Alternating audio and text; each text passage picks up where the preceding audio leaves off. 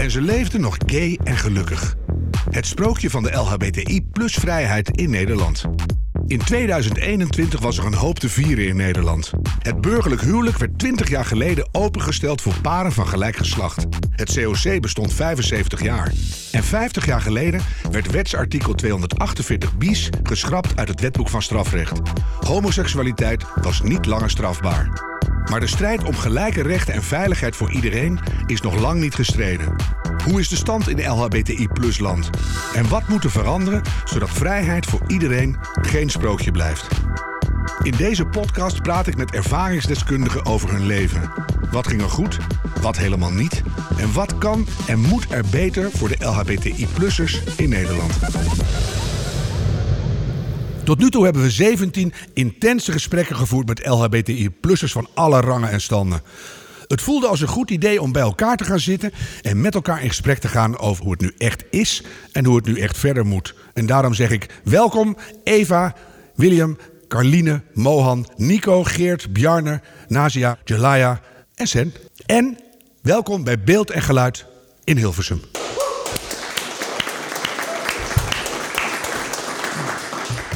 Wat gaat er goed en wat niet? Daarover gaan we het hebben in aflevering 18, 19 en 20. Laten we beginnen met wat er goed gaat. Dat we dat vooral niet vergeten. En ik denk dat we daar wel een hele aflevering voor nodig hebben. Zeker als we er ook nog een deskundige bij vragen. Hij is de man achter het rapport van het Sociaal en Cultureel Planbureau met de titel Opvattingen over seksuele en genderdiversiteit in Nederland en Europa 2022. Fijn dat je er bent, Willem Huink. Dankjewel. Willem, het eerste rapport verscheen op 17 mei van dit jaar gaat over de opvattingen van Nederlanders ten aanzien van LHBT'ers. Op 5 juli verschijnt deel 2, waarin de LHBT'ers zelf aan het woord komen. En ik zeg heel duidelijk LHBT'ers, want alle andere letters worden nog niet meegenomen. Nee, dat klopt. En dat komt helaas dat er over heel veel subgroepen, want de, de, de LBTI plus gemeenschap is heel divers natuurlijk van aard. Hmm. Uh, maar dat er eigenlijk geen goede gegevens beschikbaar zijn over uh, hoe het met ze gaat. Of ook over hoe Nederlanders denken over allerlei verschillende uh, groepen binnen de LBTI plus ja. gemeenschap. Maar jij stopt er een hoop tijd in. Lijkt ja. mij behoorlijk frustrerend voor een onderzoeker. Want je wilt toch eigenlijk een zo compleet mogelijk beeld schetsen. Zeker. En je weet ook dat uh, de ervaringen van de verschillende groepen van de verschillende mensen ook echt wel verschillen van elkaar. Er zijn overeenkomsten. Onder andere op het gebied van negatieve bejegeningen en allerlei vooroordelen waarmee uh, mensen geconfronteerd worden. Uh, maar er zijn ook hele duidelijke verschillen. Dus voor mij als onderzoeker is dat heel erg jammer dat we dat, we dat ja, niet voor alle groepen even goed in beeld kunnen brengen. En hoe komt het dat we die gegevens niet hebben? Ah, dat is best ingewikkeld soms. Hè? Dus soms kan het zijn dat het gewoon niet in vragenlijsten goed kan worden ondervraagd. Of dat een bepaalde uh, gemeenschap te klein is om daar uh, goede uitspraken over te doen. Het is wel denk ik zo dat in vergelijking met andere landen dat in Nederland nog relatief goed is. Maar ook hier is nog een, een, wereld te winnen op dit vlak. Waar jij je ook voor gaat inzetten hopelijk. Zeker. Ja. Want hoe meer we weten, hoe beter. Hè? Deze aflevering gaat over wat goed gaat. Wat zijn de mooie conclusies uit jouw rapport? Nou, ik denk dat het algemene beeld en dan zeg ik nadrukkelijk, het algemene gemiddelde beeld is best wel positief. Dus als je vergelijkt Nederland ten opzichte van vroeger, Nederland ten opzichte van andere landen, dan doet Nederland op dit vlak het eigenlijk best wel goed. Mm -hmm. We zien bijvoorbeeld dat het deel van de Nederlanders dat expliciet negatieve opvattingen heeft over homo- en biseksualiteit, eh, dat dat is afgenomen de afgelopen 15 jaar van iets van 17% naar 4%. Uh, maar dat is een soort gemiddelde maat. Hè. Is het homo- en lesbisch of ook biseksualiteit? Ja, dat is, uh, dat is een hele goede. Eigenlijk, uiteindelijk gaan de vragen vooral over homo's en lesbisch. Ja. En inderdaad missen we eigenlijk nog best wel veel informatie over die specifieke groep van uh, hoe mensen denken, uh, ja, hoe de Nederlanders, de algemene bevolking aankijkt tegenover uh, biseksuele mm. Nederlanders. Nou is het natuurlijk belangrijk om te zeggen in vergelijking met andere landen. Ja. Hè, maar er is nogal een hoop ellende aan de hand in de wereld. Maar met name als je kijkt naar het verleden van Nederland, dat vind ik een mooie ontwikkeling. Dat Ja. je zegt, als je, hoe ver naar het verleden moet je kijken om die hele positieve ontwikkeling echt te zien? Nou, de opvattingen brengen we pas, kunnen pas echt goed in beeld brengen sinds een jaar of uh, 17. Mhm. Uh, en daar zie je een duidelijk stijgende lijn. Dus, uh, en op allerlei verschillende vlakken. Want hè, de, de LHBT-acceptatie, wat is dat? Er zit, ligt heel veel onder. Hè. Dat gaat over algemene acceptatie, zoals we dat noemen. Dat gaat over het ondersteunen van gelijke rechten. Nou, het, het huwelijk voor mensen van gelijk geslacht. Het gaat ook over adoptierechten. Maar het gaat ook over hoe mensen aankijken tegen zichtbare vormen van LHBT-kwesties. Hand in hand lopen. Twee we blijven toch nog nog een beetje in de open lucht zijn we toch nog niet helemaal welkom, hè? Nou, je ziet wel inderdaad uh, duidelijk verschil tussen in zijn algemeenheid veruit het grootste deel van de Nederlanders zegt dat is prima, ja. hè? LBT's. Nou, Wordt het zichtbaarder, komt het dichterbij. sta ik in het Van Gogh Museum en er staan er twee Chinezen, een mannetje vrouwtje, staan elkaar te zoenen voor de zonnebloemen. En dan denk ik, laat ik dat ook eens gaan noemen, mijn vriend, en dan loopt de zaal leeg. En dus dan, dat dat is toch een verschil. Daar zit een verschil in, daar zit zeker een verschil. Daar hebben wij ook naar kunnen kijken. Hè? Want uh, er zijn een deel van de mensen vindt überhaupt zoenende mensen uh, niet ik fijn. Heel veel mensen zoenen onsmakelijk hè, om ja, te kijken. Ja. ja. Maar wat je wel ziet is dat de, de, de weerstand of de aanstoot die mensen eraan geven... echt beduidend het grootste is als het gaat om uh, homo- en lesbische stellen. Mm. En bij twee mannen is het dan nog, nog weer wat sterker dan in vergelijking met twee vrouwen. Geweldige twee vrouwen. Nou, gaat dan nog met twee zoenende mannen. Dat is toch wel heel erg. Nou, heb jij het steeds, en dat begrijp ik heel goed, over acceptatie. Hè? Uh, blijven we het daar ook over hebben wat jou betreft? Of moet het langzamerhand ook eens gaan verschuiven richting uh, waardering bijvoorbeeld? Hmm. Is daar al sprake van? Nou, ik denk soms wel. Voor mij, ja, nou, voor mij zou eigenlijk een volgende vorm van acceptatie zijn uh, normalisering. Dus dat we het eigenlijk er niet meer over hebben, maar dat het gewoon zo'n onderdeel is van de natuurlijke gang van zaken. Of dat het nou, in, ik noem maar iets, een lesmateriaal is op scholen, dat er Jezus. Uh, dat er niet meer over na wordt gedacht. Oh, we hebben nu een voorbeeld met een rekensom met twee vaders of twee moeders of mhm. wat dan ook. De ene keer twee vaders, de andere keer één moeder. Ja. Uh, dus het, het normaliseren. Waren er hele opvallende dingen die eruit sprongen? Nou ja, kijk, wat opvallend is, is dat we, zeker ook in vergelijking met andere Europese landen, doet Nederland het goed, als je dat zo kan zeggen. Alleen in IJsland waren de opvattingen nog wat, wat positiever. Uh, waarschijnlijk niet geheel toevallig is, heeft IJsland ook ooit een lesbische premier gehad. Ja, dat, um, nou, ik vind het zo belangrijk dat je dat zegt. Want goede, uh, functionerende role models helpt wel. Hè? Ik ben extra lang in de kast blijven zitten door Albert Mol. En dat was de enige die wij op tv hadden. Ik denk, ja, ik ga toch niet tegen mijn vader zeggen... ik ben net als Albert Mol. Hoe leuk ik hem ook vond. Maar dat, dat, dat was niet mijn voorbeeld. En verder was er niks. Nou ja, goede uh, rolmodellen zijn heel belangrijk. En dan gewoon de overheid die uitstraalt van... het maakt niet uit van wie je houdt of wie je bent. Uh, dat is extreem belangrijk. Ja. Nou, is het natuurlijk belangrijk hoe je zo'n rapport maakt. Het zat net al in een bijzin van op die formulieren kan je niet alles vangen. Hoe maak je zo'n onderzoek? Hoe ga je in, in, in zijn werk? Ja, nou, er worden dus heel veel mensen geïnterviewd, vaak schriftelijk of via online. Mhm. Duizenden en duizenden, zeg maar. Maar kan je heel specifiek zijn? Zijn het er 20.000 of 140.000? of? Ja, voor dit onderzoek zijn dus verschillende databronnen gebruikt, zoals het mhm. allemaal heet. Langlopende onderzoeken, want we willen ook iets zeggen over ontwikkelingen in de tijd. Ja. Um, maar het, als we specifiek focussen op de situatie in Nederland en ook verschillen tussen groepen in Nederland, uh, dan zijn er ongeveer 2000 mensen die uh, worden ondervraagd. Op allerlei stellingen, als het gaat om uh, lesbi en homoseksualiteit en ook over de, uh, over de houding ten opzichte van transgender personen. Mhm. En 2000 uh, als niet-onderzoeker denk ik misschien, hm, wat zegt dat nou over 17, eh, 18 miljoen mensen? Het belangrijkste daarvan is eigenlijk dat je een goede doorsnede hebt. Hè? Dus heb je ongeveer evenveel man, vrouw, jong, oud, andere Banket, vormen. bakkers, loodgieters, professoren, alles moet er een beetje in zitten. Ja. ja. En dan kun je toch al vrij goed aangeven ja, hoe het gesteld is met de houdingen van de Nederlanders ten opzichte van uh, gender en seksuele diversiteit. Maar dan krijg je zo'n formulier in je bus en ik neem aan dat je dan aangegeven hebt dat je mee wil doen. Of is dat uh, blind opsturen en hopen dat ze reageren? Uh, dat kan allebei. Ja, mensen kunnen meedoen of niet. Hè. Dat, ja, dat, dat kan heel Nee, maar als je, als je niet weet dat het komt en je doet toch mee... ben je misschien eerlijker dan dat je zegt... ik geef mij op en ik ga heel wenselijk gedrag invullen. Dus hoe, in hoeverre zijn die, die resultaten van jou nou echt harde conclusies? Uh, je zegt van nou. zo denken wij er echt over. Ja, nou ja, harde conclusies. Ja, ik denk hele harde conclusies. Sociale wenselijkheid speelt altijd een mhm. rol.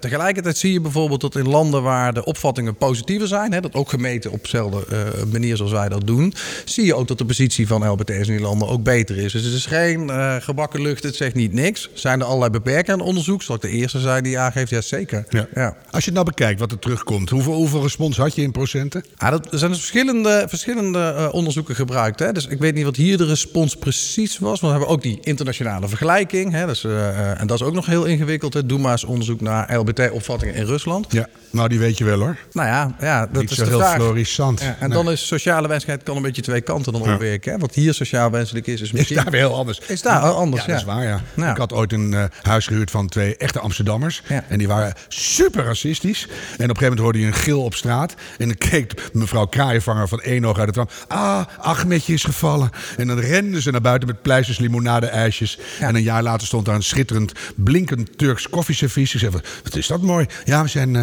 uitgenodigd in Ankara. Het was superleuk. Ja. En voor de rest moesten al die Turken er toch weer uit. Hè? Dus eh, ja, dat, kan Dat alle- zie je ook heel vaak. dat zie je ook, hè? Dat vooroordelen of eh, het verschil tussen wat mensen zeggen te doen en hoe ze in de praktijk reageren. Dat sommige, hè, ze vullen dan heel stevige antwoorden in van ik wil het absoluut niet. Maar als dan toch hun eigen kind transgender blijkt te zijn of... eh, Is het weer anders, ja. Dan kan het toch heel anders zijn dan, dan mensen in eerste instantie denken. Als je alles bij elkaar veegt, wat zijn jouw belangrijkste conclusies?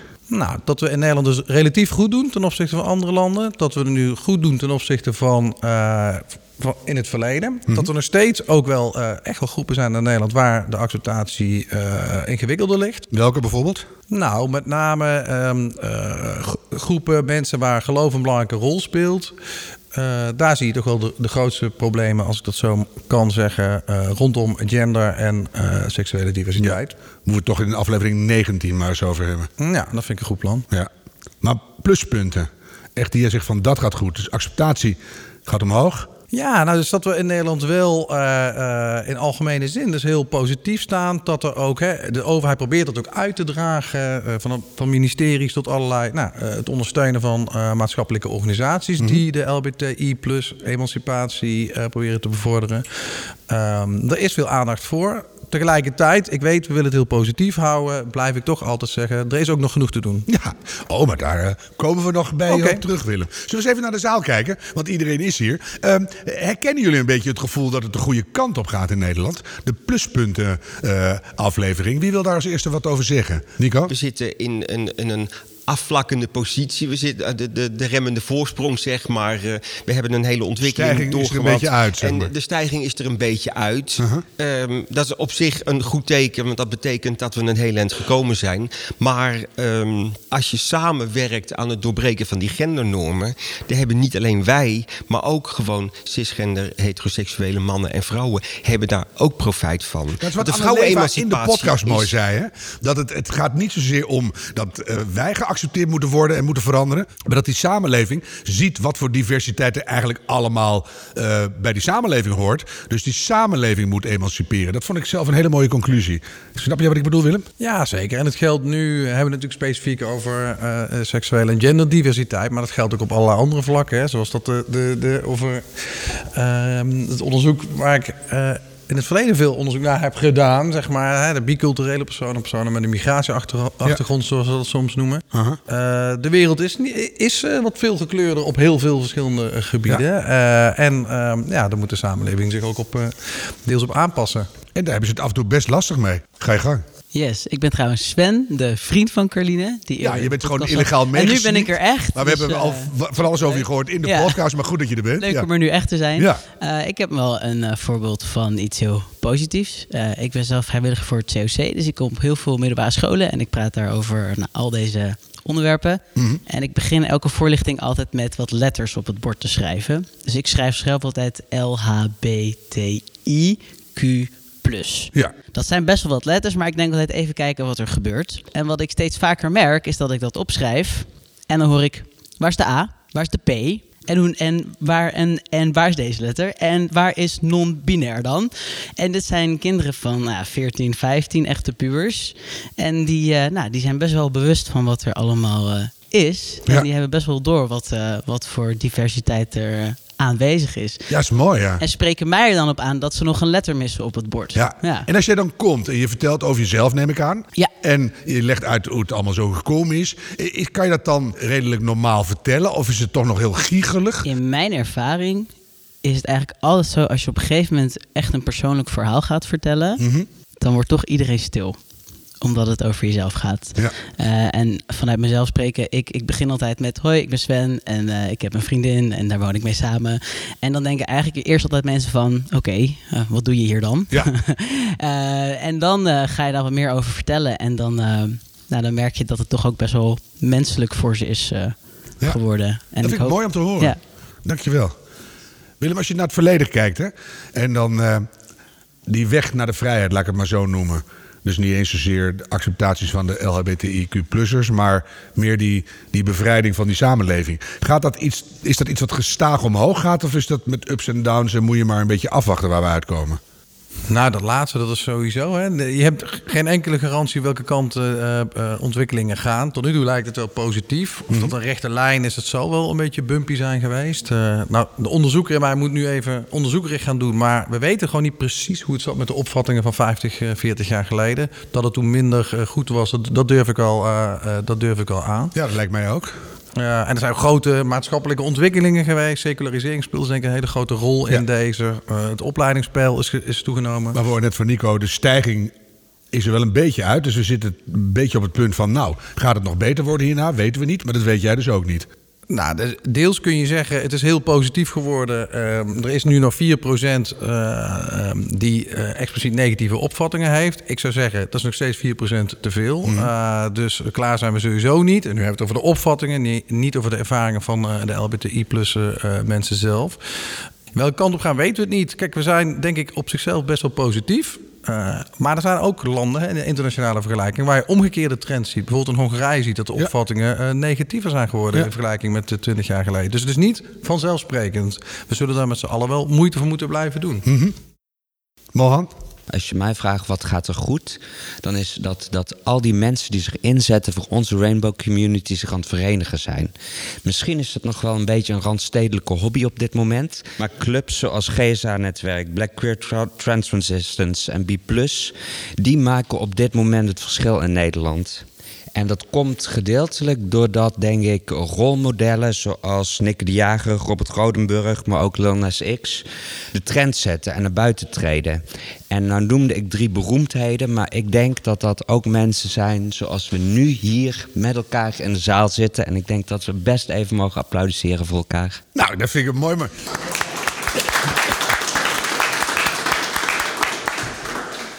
En daarmee maak je mijn werk weer heel makkelijk. Want ik wou voor jullie allemaal, maar eerst eigenlijk even van Willem weten. Het feit dat het op zich goed gaat in Nederland. Wie moet daar eigenlijk de credits voor krijgen, wat jou betreft? Hmm, ja, ik, ja. Aan wie hebben we dat te danken? Nou ja, ik zou bijna zeggen, wij tussen aanstekens als, als samenleving uh, uh, geheel. Kijk, de en heel veel verschillende uh, groepen. Uh, net worden al een aantal voorbeelden mm. genoemd. Kijk, ik denk dat de overheid zelf ook best wel een grote rol heeft. Hè? Direct en indirect. Doordat Nederland zeg maar, aangaf uh, toen begin deze eeuw... veel te laat kun je denken. Maar oké, okay, dat huwelijk wordt ook,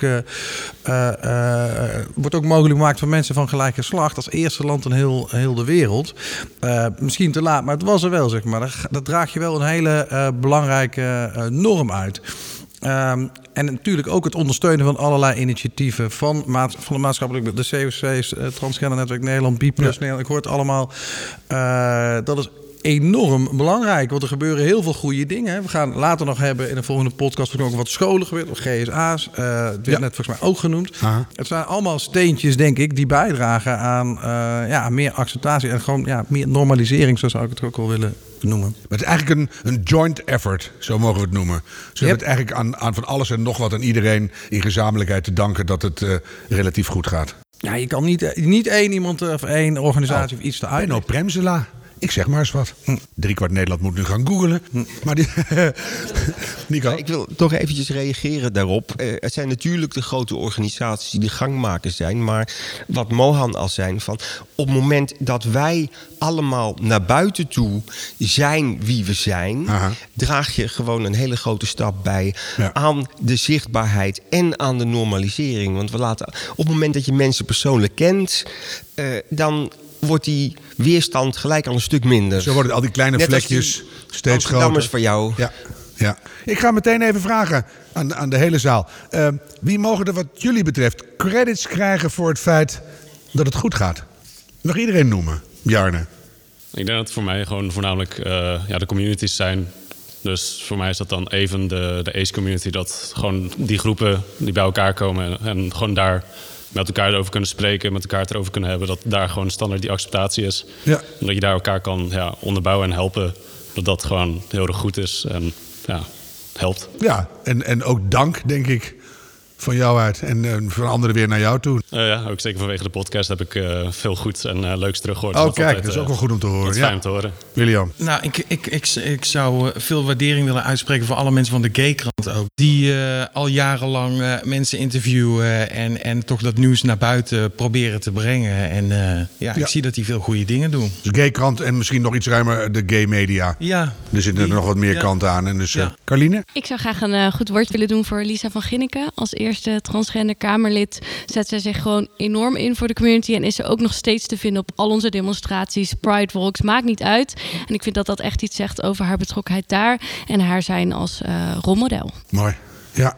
Ik denk dat eh, vooral de mensen die eh, heel veel te maken hebben gehad met haat en dus de minder positieve dingen, eh, maar die nog steeds ervoor kiezen om iedere dag als hun authentieke zelf naar buiten te gaan en daarbij vaak ook weer strijden voor alle gelijke rechten, dat dat vooral ook de mensen zijn die een heel groot applaus mogen hebben. Ja, en ook Ja. heel veel goed doen, hè, denk ik daarbij. Ja, ja, ja, want dan zie je het ook wat er aan de hand is. Ja, mooi punt. Dankjewel. Ja. Kijk, daarom heb ik hier een hele podcast voor ingeruimd. Want we krijgen ontzettend veel zelfbevlekkende momenten ook. Hè. Dan gaan we onszelf applaudisseren. Ga je gang. Voor de mensen net als van eh, de NND in Nederland, de DSD-vereniging, maar vooral de mensen die daar allemaal actief bezig zijn, die buiten hun werk vrije tijd opofferen om lotgenoten te helpen. Ja. Ja, zonder die mensen zouden wij het niet redden, denk ik. Willem, eh, in jouw rapport doet Nederland het heel goed. Daar staan we op nummer 2 van Europa.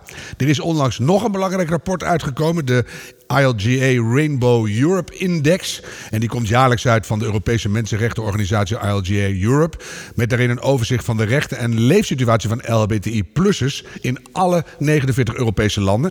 En in die index staan wij op 13. Ik voel een verschil. Ja, dat klopt. En we, we hebben natuurlijk een stuk hoger gestaan. What happened? Een eerste belangrijke kanttekening hierbij is, is dat het niet zo is dat er Nederland nou rechten zijn ontnomen van, eh, LHBTI, van de LHBTI-plussers.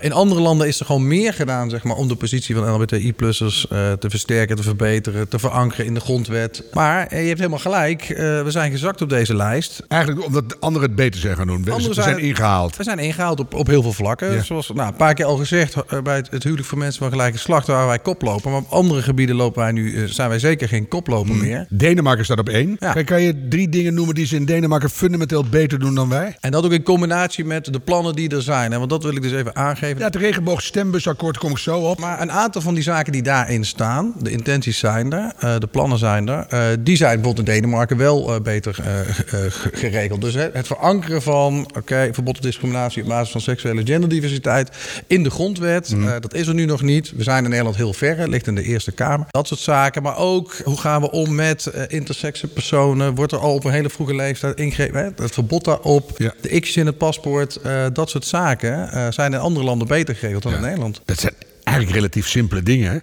Kwestie van afspreken en je gedrag veranderen. Het klinkt simpel, maar in de praktijk blijkt dat tot nu toe nog niet gebeurd te zijn. Nee. Al moet ik dus zeggen, er zijn wel in het coalitieakkoord staan nou, zijn de plannen er om al deze zaken wel aan te pakken. Mhm. Nico? Ja, ik heb even een vraag aan Willem. Van in hoeverre speel in die eh, ILGA-monitor de ju- juridische aspecten mee, maar ook de sociale aspecten? Want het kan natuurlijk, ik ben heel blij als er in de grondwet opgenomen wordt dat eh, mensen die B zijn niet gediscrimineerd mogen worden. Maar als dat betekent dat ik op straat met een man hand in hand loop en ik word in elkaar geslagen, dan heb ik daar niet zoveel aan. Nee. Dus er is een verschil tussen de wetgeving en de sociale acceptatie. Zeker, ja. En dat is misschien juist precies het verschil tussen die twee rapporten. hè. Dus de ILGA die kijkt met name naar de juridische kant. Maar ja, je kan ook denken, oké, waarom is er soms wetgeving nodig? Vooral juist als de situatie niet goed gaat. Ja. Het zit ingewikkeld hoor, in dit, in dit geval. Eh, maar je, je punt is helemaal terecht. Ja. Ja. Laten we dan meteen maar even doorgaan naar dat regenboogakkoord. Stembusakkoord zelfs. Een lijst met maatregelen op het gebied van LHBTI. Emancipatiezaken in 2021 opgesteld door het COC en ondertekend door een, een zwik aan politieke partijen. Ja. VVD, CDA, D66, GroenLinks, SP, PvdA, Partij voor de Dieren en 50PLUS. Nou, dan heb je een flinke meerderheid te pakken. En die hebben echt belooft daarmee om zich in te spannen voor een hele lijst dingen. Zal ik ze opnoemen? Het is nogal wat. Discriminerend geweld aanpakken, wetgeving verbeteren, een expliciet verbod op LHBTI plus discriminatie in artikel 1 van de grondwet, acceptatie op school bevorderen en afwijzing stoppen, wettelijk verbod op niet noodzakelijke medische behandelingen van intersexe personen, transitieverlof voor transgender personen, extra inzet om wachttijden in- de transgenderzorg te bekorten, LHBTI plus mensenrechten blijft topprioriteit in de Nederlandse mensenrechten en ontwikkelingssamenwerkingsbeleid en ambitieus LHBTIQ plus beleid eh, in de portefeuille van een minister. Nou, ga er maar aan staan, Willem. Ja. Gaan we dat doen ook, echt? Het idee is dat we dit gaan doen. Hè? Dat is afgesproken, dus we kunnen ervan uitgaan dat dat gaat gebeuren. Ja, het is radio, maar je kijkt erbij van... eh, ik weet niet of ik dat in mijn leven nog ga meemaken. W- wanneer is dit af? Ja, je weet natuurlijk nooit zeker of dat een regeerakkoord wordt uitgevoerd. Maar de steun voor de plannen was wel echt heel erg breed, zeg maar. Hè? Van, eh, nou, echt een heel groot deel van de Tweede Kamer. Dus dat op zichzelf is wel, eh, denk ik, positief. Maar is het, is het hierna af? Ja, nee, dat denk ik niet. Kijk, eh, net hadden we het er ook over. Er zit echt nog wel een verschil tussen wetgeving, beleid, de juridische kant... eh, en gewoon de dagelijkse ervaringen van, van, van iedereen op straat, het- bij het werk, op school. Maar als ik dat lijstje zo lees, en ik kijk ook maar even naar de zaal... eh, wat zijn de punten die jullie het meest aanspreken? Desnoods eh, zeg ik ze nog een keer. Maar eh, zitten er dingen tussen waarvan jullie zeggen... dat moet nu eindelijk eens echt geregeld worden? Nico? Onder andere de wachttijden voor transgenderzorg. Ja, wie wil daar wat over zeggen verder? Want dat lijken mij toch hele belangrijke dingen... dat dat eens een keer goed geregeld wordt. Ik denk dat eh, de wachttijd voor de transgenderzorg eh, eh, cruciaal is om, om aan te pakken. Want eh, ja, nu op dit moment is er, er is ook geen, er is geen duidelijkheid. ehm, er is geen eenheid in hoe dat de zorg wordt gedaan. Ehm, dus de, bij de ene plek hebben ze deze regels, bij de andere plek hebben ze die regels. En eigenlijk is, zijn alle plekken het met elkaar eens dat, dat, dat er een uniforme regelgeving moet komen. Maar ehm, dat er in dingen ook heel erg moeten afvallen. Ehm, maar ja, los daarvan, waar ik natuurlijk, eh, en die staat er niet zo expliciet op, maar eh, ja, de X in het paspoort en de eh, non-binaire, eh, voor de non-binaire eh, personen mogelijkheid te maken om hun eh, naam officieel te kunnen wijzigen. Ja, dat is ook wel heel gedoe, hè? Sven? Nee, het is inderdaad die, eh, de, de wachttijd voor de transgenderzorg is heel heftig. En dan heb ik het niet over als je eenmaal daar binnen bent. Want dat is echt wel oké dat dat Mhm. lang duurt. Maar tot je er terecht kan, dat is gewoon heel heftig. Het het staat nu op twee jaar. Zo'n hele goede vriend van mij, die heeft nu besloten... dit is wat ik wil. Het is natuurlijk heel gek als je dat idee dan weer in de koelkast moet Ja. zetten voor een lange tijd. Dat Moet je is, gewoon eh, op gaan zitten en, en dan maar heel rustig doorademen. Ja, ja. voor transmannen is de zorg ook niet helemaal compleet met betrekking tot de stem. Ik ben zelf zanger. eh, en bij mij is het gelukkig goed gegaan met heel veel hulp van logopedie en zanglessen. Maar ik geef ook zangles aan transgender mannen. En de, de zorg die ze geeft bij de VU, bij het VUMC, is eigenlijk niet... Die dekt het niet, Er moet nog wat bij. wat het met de stem doet. En weten Ja. ze dat ook? Of, eh, Dat vraag ik me af. nou, Of nu weten misschien ze het wel. weten ze... Ja. Hallo, daar bij de VU. Doe iets met die mannenstemmen. Dat is mee. gewoon nog niet goed genoeg. Ja. Mannenstemmen. Jelaya. Het is best wel gek dat je natuurlijk sociaal kom je daarvoor uit in je omgeving. Maar stel je, hebt, je komt ervoor uit, maar je hebt niet je omgeving, ondersteuning vanuit je omgeving. Dan zeggen ze gewoon van ja, wacht maar en ga maar zelf in je eentje op je kamer daarmee zitten. En dat is voor mij denk ik ook gevaarlijk voor de geestelijke gezondheid van dat Nou, soort ik vind personen. dat een goed punt, want daar denken we natuurlijk heel vaak niet over na. Nee. Je denkt, nou, je hebt die stap gezet, je bent zo dapper geweest om daarmee naar buiten te komen. En, en dan moet je heel lang wachten. En ondertussen is er helemaal niemand die je meehelpt of eh, je ondersteunt. Ja, dat is zwaar. Dat is ook de manier waarop ze dan je gaan helpen natuurlijk. Dat ze zeggen van ja, weet je het zeker. Kijk, dat je bij een jong persoon, dat je dan nog zegt van we gaan even kijken of dat wat zeker is. Maar iemand die ehm, ja, zeg 20 plus is, het is niet voor niets dat het zo lang heeft geduurd dat je daarmee hebt ge- gezeten en nee. gestruggeld. En ik denk na 20 jaar die struggle, dat ze denk ik wel zeker weten dat het zo is. Op een En gegeven moment weet je wel hoe het zit. ja. En vooral, eh, kijk, stel je bent nog ouder. En dat ze nog steeds zeggen, weet je het zeker? Ik bedoel, Ja. ze hebben 60 jaar bijvoorbeeld geleefd als die persoon. Ook gewoon een hele makkelijke vraag voor hetero's hoor. Toen ik uit de kast kwam, zei mijn vader ook, die vroeg nooit iets aan me, vroeg toen, weet je het zeker? Toen was ik echt heel erg beledigd. Toen zei ik van, hoe weet jij zo zeker dat je hetero bent? En Dat is het enige wat ik terug zei. Het was echt een heel goed gesprek. Wat hoor jij allemaal, Willem? Ik hoor heel veel eh, goede dingen, denk Want ik zie jou af en toe ook dingen opschrijven. Ik denk, eh, Oh ja, ik leer hier heel veel van. Hè? Ehm, maar ja, we ko- daar komen we het later nog over te hebben. Maar een van de dingen die we hier nou, een aantal keer worden aangestipt... is gewoon alle, de de, de, de psychische problematiek zeg maar, die hierbij bij gepaard gaat. En als veel van die, zeker jongeren zitten al aardig in de knel. Hè, en alle ingewikkeldheden, jongeren überhaupt, maar eh, eh, jongeren die hè, eh, vanuit de gender- of seksuele minderheden komen, is dat vaak nog veel ingewikkelder. Ja. Gaan we later nog uitgebreider over hebben. Maar als dan de zorg eerder bijdraagt aan de vergroting van de psychische problemen in plaats van dat het het vermindert, ja, dan ben je niet goed bezig. Nee, dat lijkt me niet helemaal de bedoeling. Mohan. Als zorgmedewerker, ehm, ik denk dat een van de mogelijke oplossingsrichtingen hierin is, is als we transgender zorg uit de zorghoek weghalen, maar meer in de welzijnshoek plaatsen. Enerzijds krijg je daardoor een breder perspectief, eh, want het gaat ook over ehm, je sociaal welbevinden, ehm, over het meedoen, het mogen meedoen in Nederland als persoon. Ehm, en je kunt dan nog steeds medische aspecten in die welzijnshoek eh, laten raken. Ehm, maar ik denk dat dat op lange termijn eh, de beste oplossing is. Het zou kunnen. Ja, het is wel in ieder geval interessant om over na te denken. Hè? Voor hoe je dat nou een beetje vrij speelt... zonder dat dat in het proces alsmaar zwaarder wordt.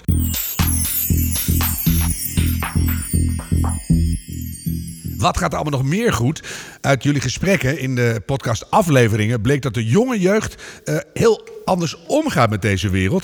Het is meer fluïde aan het worden. En Mohan zei bijvoorbeeld, eh, de jeugd kiest zijn eigen role models en die inspireren elkaar. En dat is alweer heel anders dan het daarvoor ging. Zijn dat ook positieve ontwikkelingen, kun je je afvragen. De jongste deelnemer aan onze podcast is 20. Wij dachten, dat kan jonger. Dus hier is ze.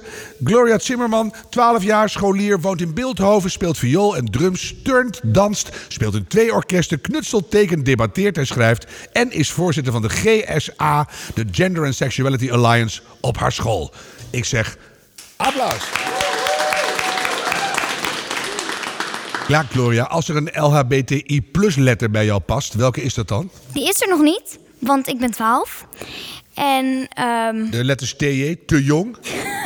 nee, niet per se te jong, denk ik, maar Oh, je weet nog niet welke letter je bent? nee. Ah. En het komt wel. Oh ja, En misschien ben je wel Misschien komt letter. het niet. Misschien zit ik straks verrompeld in het bejaardentehuis en dan denk, vraagt iemand aan me: Ben jij nou panseksueel? En dan zeg ik: Nee, dat weet ik nog niet. Nou, als je het dan nog niet weet, dan heb je wel een zwaar leven gehad, denk ik. Ja, waarschijnlijk. Maar goed. Maar het hoeft niet allemaal in een hokje worden gestopt, Nee. weet je? Ik ben, ik Ja. ben mezelf daar ben ik blij mee. Ah, soms heb je gewoon spijt dat je te bij de hand de kinderen uitnodigt. Ehm, Gloria, op welke plek in jouw leven, want ik noemde allerlei dingen op die jij doet, hè, waar gaat het nou het vaakst over LHBTI plus dingen? Is dat privé of op school of bij zo'n orkest? Of eh, waar is dat? Oh, dat is een lastige vraag. Ik denk op school en privé een beetje. Ik denk op school eh, alles wat we organiseren als GSA, waar ik nog maar één meeting van heb, soort van georganiseerd. Maar ik ben voorzitter, ja.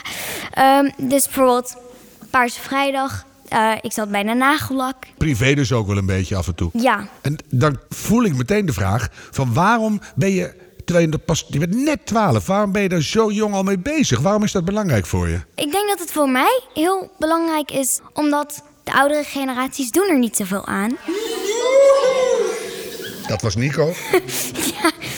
Ik denk ook hoe meer mensen zich bewust zijn van... nee, wij zijn niet anders. Wij zijn allemaal mensen. Wij zijn allemaal onszelf. Hoe beter. En hoe jonger je daarmee begint, hoe beter. Ja. En eh, nou, hoe komt het dat het dan bij jou gebeurt? Was je altijd al zo dat je dacht als... Mijn eerste woord als, als peuter was zelf. Toen was ik eh, 13 maanden, zei ik zelf. Ik vond het allemaal heel onprettig wat al die ouders met mij deden. Dus, eh, maar wa- waarom ben jij nu op je twaalfde daar al zo bewust van? Hoe komt dat? Is het je opvoeding of ben jij gewoon zo? Ik denk dat ik er sowieso heel erg mee bezig ben, omdat ehm, hoe ik me voel, op wie ik verliefd word, dat soort dingen.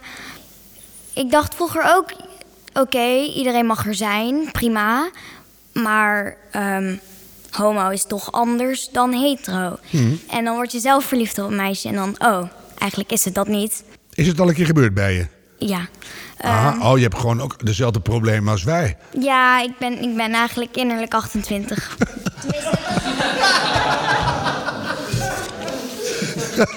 ja, je- je zag het ook een beetje, Willem. Ik denk, ja, 12 staat er op het paspoort, maar... Ja. Nou, je zegt het net al een paar keer. Je bent GSA-voorzitter geworden bij jou op school. En jullie zijn net begonnen. Wat doet een, een GSA? Oh, koekjes kopen. Om acht uur 's ochtends Dat lijkt me niet het belangrijkste, toch? Nee, zeker niet. Maar, Nee, maar dat moet je dan nog een beetje leren in de interview. Als iemand een vraag stelt, begin je eigenlijk met het belangrijkste. oké. En dan aan het Ja, eind kan je altijd zeggen, en we kopen ook koekjes. Maar ik vraag het nog een keer. Wat, wat doet die GSA bij jullie op school? Wij doen meetings, maar we organiseren vooral dingen waar de hele school bij kan zijn, kan komen. Dus bij belangrijke dagen zoals Coming Out Day of Paarsvrijdag natuurlijk, Ja. eh, gaan we met een kraampje aan het begin van de school staan. Want daar loopt iedereen langs. En ehm, dan mogen mensen zich inschrijven bij de G- GSA of leren over wat het nou eigenlijk is en zo. Het gaat over seksuele en eh, genderdingen en over vrijheid. Ja, Ja, dat zijn mooie dingen, hè? ja. Heb jij nou het gevoel dat bij jou op school er echt een beetje vrijheid is? Of kan Oh. nog wel wat beter? Het, het kan beter, laten we zo zeggen. Ik heb ook mensen in de klas die dan ehm, gewoon zo hun gesprek beginnen met hey homo. En dan denk ik, ja, dat kan wel wat beter eigenlijk. Oh ja, zeker als je die letter nog niet echt gekozen hebt, hè? Ja. Want bij de tennisclub riepen ze ook de hele tijd... Homo-bal, dat komt door mijn homo-record. Zei ik, ja, ik kan niet overal tegelijk zijn, riep ik dan altijd. Dus dat, Ja. dat was al snel weer over. Maar als je het nog niet zeker weet, dan is het niet zo leuk om te zeggen... hey, homo. Nee. Toch? Nee. Nee. Ja, en zeg je er dan ook wat van? Eh, ja, meestal wel. Of in de groepsapp als iemand zegt, oh, dat is echt heel gay. En dan zeg ik, hallo, eh, dat zeggen we hier niet. Dat soort Vind ik ook goed. Eh, dat zeggen wij hier niet. Je drukt je mooi uit, Gloria. Ja. Hey, wat ga je de komende tijd organiseren met die GSA? Heb je een, een plan? We zijn eigenlijk vooral bezig met het plan maken. Oh, dat is het plan. Het plan ja, dat, maken. dat ja. is het plan. Mhm. We willen heel graag samen een keer een filmavondje doen om iets meer close te worden en zo. En Ja. daarom ook beter dingen te kunnen gaan organiseren. Ja, dus je werkt eerst aan jezelf. Ja, En dan uiteindelijk eh, een, een klimaat op school waar iedereen zichzelf kan zijn. ja, Al dan niet met groene baret met kikkerogen erop. ja. Ja. Denk je dat dat gaat lukken ook? Oh, ehm, geen idee. Maar wat denk je stiekem? Wat voel je? Eh, Kom je een end of denk je het is ook wel allemaal... Ik denk dat we een heel eind gaan komen, eigenlijk.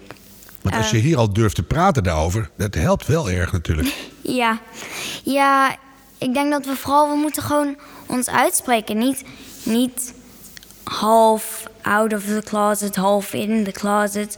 Een beetje, oh ja, tegen jezelf zeggen. Ja, nee, ik, eh, oké, prima. Ik hoor misschien bij de LGBT community. Ja. Maar gewoon zo, hallo, we zijn hier en wij mogen er zijn. En jullie mogen er ook zijn. We zijn er samen. We zijn allemaal mensen. Mooi. Dankjewel voor je mooie verhaal.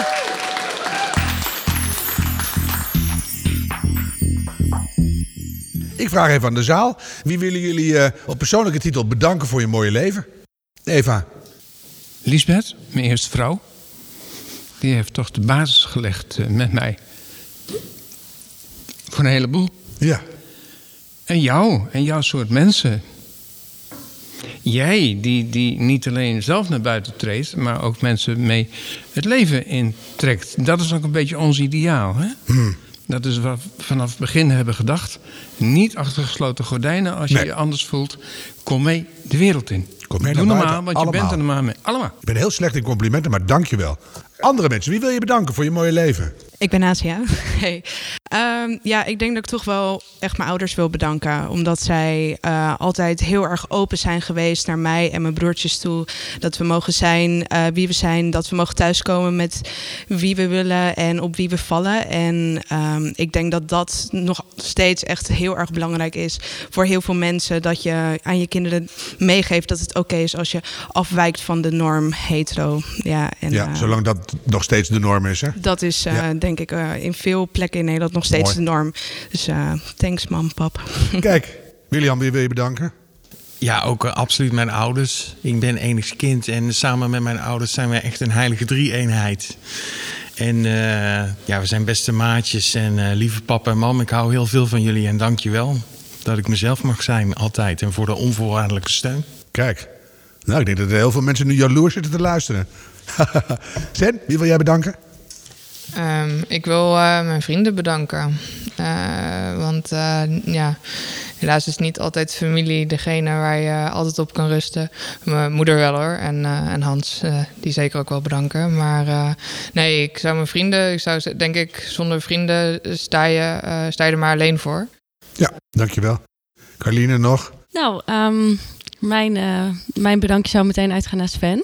uh, en dat heb ik natuurlijk in de vorige opnames ook al besproken. Maar uh, nou, hoe jij daar al op je twaalfde zat met hoe jij uitkomt voor je seksualiteit. Of durft te zeggen, ik definieer het nog niet, maar ik word wel verliefd op nou, wie ik wil. En ik hoef me daar niet voor te verantwoorden. Dat kon ik pas op mijn 25ste. want ik voelde me al redelijk provocerend als ik met een regenboogtas over straat ging. En nou, Sven heeft mij een hele portie exposure therapie gegeven, zoals ze dat noemen. Met regenboog, schoenveters, tasjes en wat dan ook. En, Horlogebandje uh, ja, ja, dus uh, daar heeft hij mij enorm in geholpen om uh, te worden wie ik ben. Of te kunnen zijn wie ik ben. Dus dankjewel. Dankjewel. Een hele aflevering over alles wat er goed gaat. Het stemt me vrolijk. Maar er gaat ook een heleboel niet goed. Daarover hebben we het in aflevering 19 en 20. Dank allemaal.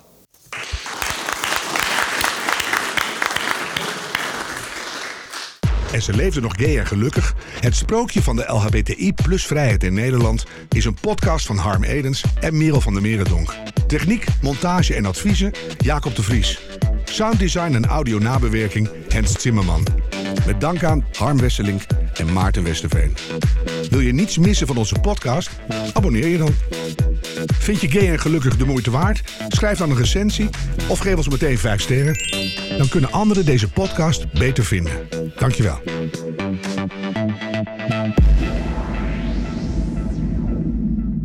Hey, luister je nog? En ben je blij met deze podcast? Word dan vriend van de show op vriendvandeshow.nl en help ons verder te ontwikkelen door een donatie te doen. Dankjewel.